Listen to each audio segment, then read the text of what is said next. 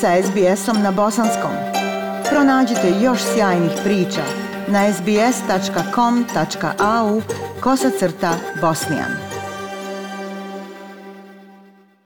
Prije otprilike godinu dana imali smo priliku da razgovaramo sa gospodinom Ernestom Kulauzovićem, diplomiranim arhitektom, veoma aktivnim članom Vijeća Bosansko-Hercegovačke zajednice Novog Južnog Velsa, predsjednikom Udruženja Bosnian Sydney Association, osnivačem i članom nekoliko organizacija u Sidneju sa bosansko-hercegovačkim predznakom koje se dotiču polja obrazovanja, kulture, poslovanja, duhovnosti i mladih. Inače, gospodin Kulauzović radi pri vladi Novog Južnog Velsa u sektoru rada sa zajednicama.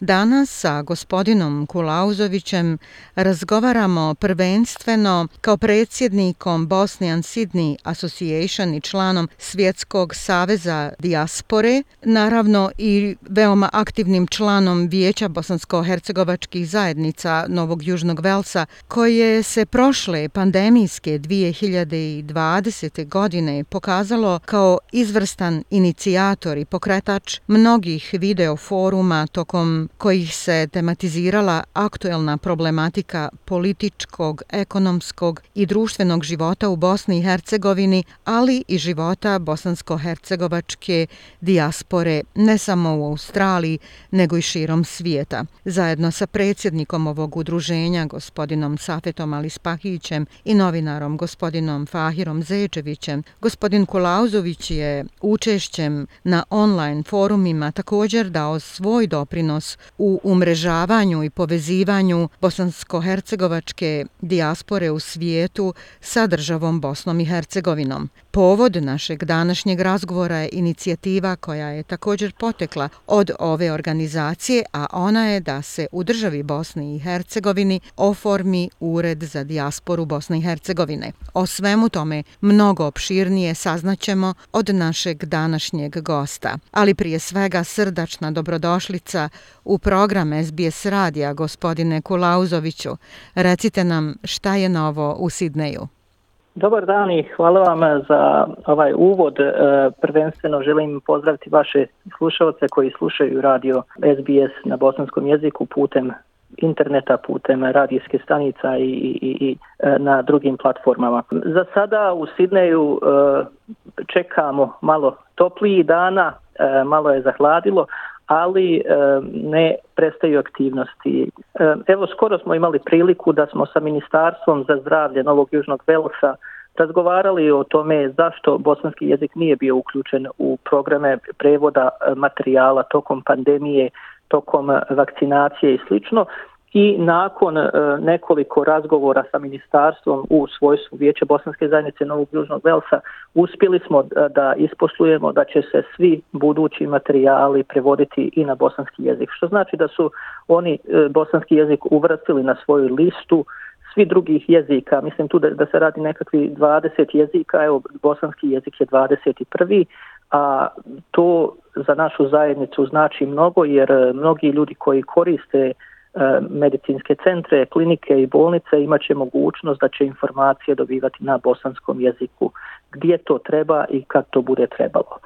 Kako sam rekla u uvodnom dijelu, povod našeg razgovora danas je inicijativa o konstituisanju Ureda za dijasporu Bosne i Hercegovine u gradovima u Bosni i Hercegovini ili opštinama Federacije Bosne i Hercegovine. Možete li za naše slušalce reći o čemu se zapravo radi? Ajša, ovo, ovo e, pitanje je otvoreno pitanje bosansko-hercegovačke dijaspore, pa mogli bi čak reći od 90-ih e, tokom rata poslije ratnih godina. Svjetski savez dijaspore Bosne i Hercegovine je uporno radio na tome da se pokuša realizovati ministarstvo za vanjske poslove Bosne, e, ministarstvo za dijasporu Bosne i Hercegovine i time da se obuhvati dijaspora, znači ne gledajući na to ko je Bošnjak, Srbin, Hrvat ili ne iz reda drugih naroda, već jednostavno da svi građani koji žive van Bosne i Hercegovine imaju mogućnost da e, ostvare saradnju sa direktno sa vladom, odnosno ministarstvom koje bi njima davalo podršku u dijaspori e, tokom studija, tokom rada ili njihovog života van granica Bosne i Hercegovine. Za to imamo negdje oko 2 miliona razloga. Znači 2 miliona stanovnika Bosne i Hercegovine koji imaju pravo državljanstva ili imaju državljanstvo, živi van Bosne i Hercegovine i mislimo da nema države u svijetu koja bi imala 2 miliona stanovnika, a da ne bi to stanovništvo uzelo malo ozbiljnije. Znači, Ured za dijasporu je nastalo kao inicijativa u tome da smo mi pokušali jednostavno da ubijedimo e, sami vrh vlade Bosne i Hercegovine da, da, da pokrene takvu jednu inicijativu.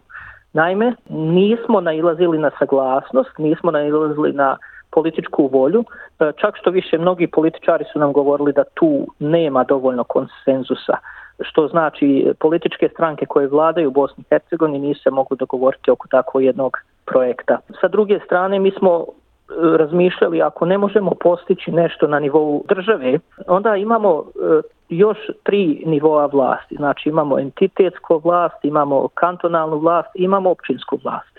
Znači na tim nivoima, tamo gdje je najviš, najveća dijaspora, mi smo planirali e, da pokrenemo dijalog sa e, tim upravo predstavnicima vlasti koji su izabrani, koji žele sarađivati sa dijasporom, da bi oni u svojim organizacijskim jedinicama, to jest općinama, e, kantonima ili e, entitetu Federacije BiH, ostvarili kancelariju ili ured za dijasporu. I evo tu smo sada na tom tragu idemo i pokušavamo ubijediti te pojedince i, i naći partnere u Bosni i Hercegovini za takvu jednu inicijativu. Svakako da je ideja o formiranju, ako ne ministarstva, a ono kancelarija za dijasporu Bosne i Hercegovine u opštinama Federacije Bosne i Hercegovine hvali vrijedna i prije svega važna i zbog građana Bosne i Hercegovine koji žive u zemlji, a i onih koji žive izvan nje. U čemu vi, gospodine Kulauzoviću, vidite najveću vrijednost jedne takve inicijative? Pa vi imate e, brojne općine u Bosni i Hercegovini koji imaju e, veliku dijasporu vani. Znači vi ne možete, možemo sad pričati o e, brojnim općinama u, u ovom trenutku koje stvarno imaju, znači govorimo na hiljade i na hiljade, nekada i na 20 i 30 hiljada ljudi koji žive van Bosne i Hercegovine i taj se, taj se broj povećava shodno ovim trendovima migracije van Bosne i Hercegovine, mladih ljudi pa čak i porodica. I jako je bitno da e, općine koje imaju svoje državljane van Bosne i Hercegovine, odnosno svoje građane, državljani su Bosne i Hercegovine, e, da mogu e, ostvariti određeni kontakt ili poslove kroz općinske, e, ad, općinsku administraciju. To znači da ako vi želite da kontaktirate, uzeću za primjer grad Bihać ili grad Sarajevo i slično, da imate tačno osobu kojoj ćete se obratiti u slučaju nekih potreba od poslovnih, privatnih i slično,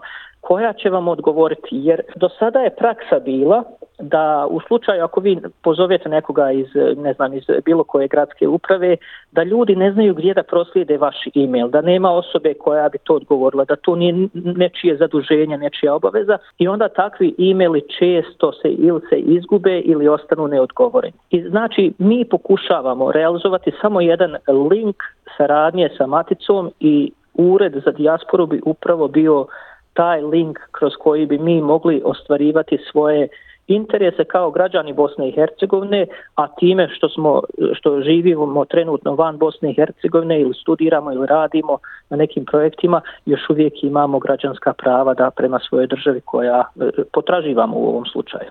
U jednom našem razgovoru vi ste rekli da je bosanska dijaspora najveći entitet Bosne i Hercegovine i njen najveći potencijal. Dakle, zajednička platforma dijaspore, ona mora postojati. Ali kako izbjeći politikanstvo ili političku opredjeljenost i u čemu bi bio interes australske dijaspore u formiranju ureda u Bosni i Hercegovini? Dobro je pitanje, ja vam se zahvaljujem na ovom pitanju, e, prvenstveno što možemo sad da otvorimo tu pravu kutiju tog projekta i da vidimo šta, je, šta se nalazi u njoj. E, vi znate da, da se vlasti od općine do općine, od kantona do kantona e, mijenjaju, znači imate dominantne politike u tim sektorima. Mi se nećemo baviti sa njima, ali možemo se baviti tamo gdje ima volje za to znači da se bavimo direktno sa e, lokalnom administracijom, sa strankama ili koalicijama, nije bitno, koje su pobjedile na, u određenom kantonu ili u određenom gradu, općine i slično. Imate primjer recimo Cazina. Općina Cazin je jedna od e, e, e, jako rast, brzo rastući općina koja ima tako dobar razvoj i to svega, ali oni imaju dosta želje da rade sa dijasporom. Otvoreni su za dijasporu, imaju svoje kontakte za dijasporu i pokazali su znači Bosni i Hercegovini pa i širem regionu kako može jedna općina da, da, da radi na, na jedan hajde da kažemo malo pametniji način i, i naravno da uključi svoje građane koji su već tu. Znači ako imate potencijalne investitore koji vam da, mogu donijeti određena sredstva koji su nepovratna sredstva, znači ne morate plaćati kredit, ne zaduživati se i slično, e onda možemo pričati o interesu, a mi znamo da u biznisu i u interesima uvijek se nađe rješenje, znači nema tu politike, ako ćete investirati u neki projekat koji nama treba e, gradu, ne znam, tom i tom gradu, onda njima trebaju pare, trebaju investitori, a mi imamo dosta uspješnih ljudi u dijaspori koji to mogu Pa evo Australija, mi smo svi e, jedna cijelina, znači e, kao što ste rekli e, prije, dijaspora je najveći bosanski entitet, jel, znači mi smo jedna cijelina, E, nije bitno da li se čovjek nalazi u Njemačkoj, Austriji, Australiji ili Americi, e, naši su problemi zajednički, naši su interesi zajednički i imamo osjećanja, znači uvijek Bosanac ili Hercegovac i Bosanac i Hercegovac koji žive van Bosne i Hercegovine nekako e, sa glavom i sa srcem razmišlja prema Bosni i Hercegovini. I to su naši interesi. Mi volimo svoju domovinu, to je naša domovina, to nam ne može niko oduzeti. Naravno, imate politički stranaka koje bi volili da se ljudi ne vraćaju u određene entitete ili određene gradove i slično i slično. Mi to razumijemo, to su njihove političke agende i slično, ali mi radimo u interesu prvenstveno sebe, svojih građana, mi smo evidentirani građani Bosne i Hercegovine i to su naši interesi. Povratak u Bosnu i Hercegovinu jedan je od ključnih e, članaka, znači Dejtonskog mirovnog sporazuma, svi oni koji su protjerani, koji su morali napustiti svoje kuće, evo polako, znači imamo mogućnost da počnemo razmišljati o tome. I mislimo da taj proces ne smije stati, ne smije se zaustaviti i ured kroz dijasporu je mogućnost da lokalne uprave, lokalne administracije mogu realizovati prvenstveno tamo gdje im treba podrške, tamo gdje im treba mladih, pametnih ljudi, školovanih ljudi, mi to, toga svega imamo u dijaspori. Možemo komotno reći da smo jedan veliki resurs koji treba iskoristiti. Veoma je važno da institucije Bosne i Hercegovine i dijaspora međusobno sarađuju. Ipak najveće bogatstvo jedne zemlje su njeni ljudi. Intelektualni, umjetnički, naučni potencijal Bosne i Hercegovine je rasut po svijetu. Da li smatrate da bi uredi za dijasporu u Bosni i Hercegovini imali zadatak i snagu objedinjavanja bosansko-hercegovačkog blaga u ljudskim resursima Bosne i Hercegovine i države Bosne i Hercegovine, ali i njene uloge u svijetu?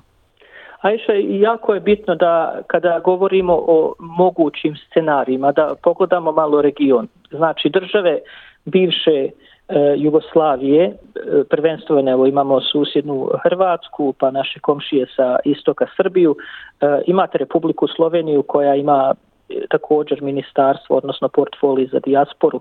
I čak imate recimo, mi uvijek nekako malo niže gledamo, ali jako bitno, znači i Albanija, Republika Albanija ima nacionalnu agenciju za dijasporu. I to su, to su pokazatelji da dijaspora je jako bitna regionu. E sad, Da li se mi možemo dogovoriti oko e, Bosne i Hercegovine? Da li se možemo dogovoriti oko svoje domovine da nam treba nešto? Mi mislimo vjerujemo da ako ne možemo na državnom nivou to postići, ako nema dovoljno konsenzusa, da možemo regionalno, da možemo lokalno gledati i tražiti te partnere i da bi se u jednom doglednom vremenu takva jedna kancelarija mogla pretvoriti u jednu e, nacionalnu agenciju, odnosno ne, nacionalnu koordinaciju. E, to ćemo morati sačekati, ali e, ja mogu već da kažem da vidimo budućnost, a to je da dolazi smjena generacije, dolaze mlađi ljudi koji vole Bosnu i Hercegovinu, koji vole svoju domovinu, imaju, naravno, neki imaju dvojna državljanstva, neki nemaju, ali mogućnost će uvijek biti povratka, E, govorimo možda za sljedeća generacija već da će moći ponuditi određene rešenja. A neke konačne odgovore možda će dati i konferencija Bosansko-Hercegovačke dijaspore koja se organizuje 21. i 22. maja ove godine pod okriljem teme Žive vizije dekada dijaspore. Gospodine Kulauzoviću, ja vam se iskreno zahvaljujem na ovom razgovoru i izvojenom vremenu i želim vam puno, puno uspjeha u daljem radu. Hvala, hvala e, vama za konstantnu podršku bosanskoj zajednici, evo i nama u Sidneju. Radio SBS e, na bosanskom jeziku je naš radio, mi ga, mi ga volimo, slušamo ga i uvijek ga toplo preporučimo svima našim uh, u Sidneju da, da slušaju taj radio, imate uvijek dobre programe i hvala vam za interesovanje u ovoj temi. Nadamo se da ćemo imati sljedeći put i sljedeći prilika malo više podataka da podijelimo sa našim slušateljima. Like, share, comment. Pratite SBS Bosnian na Facebooku.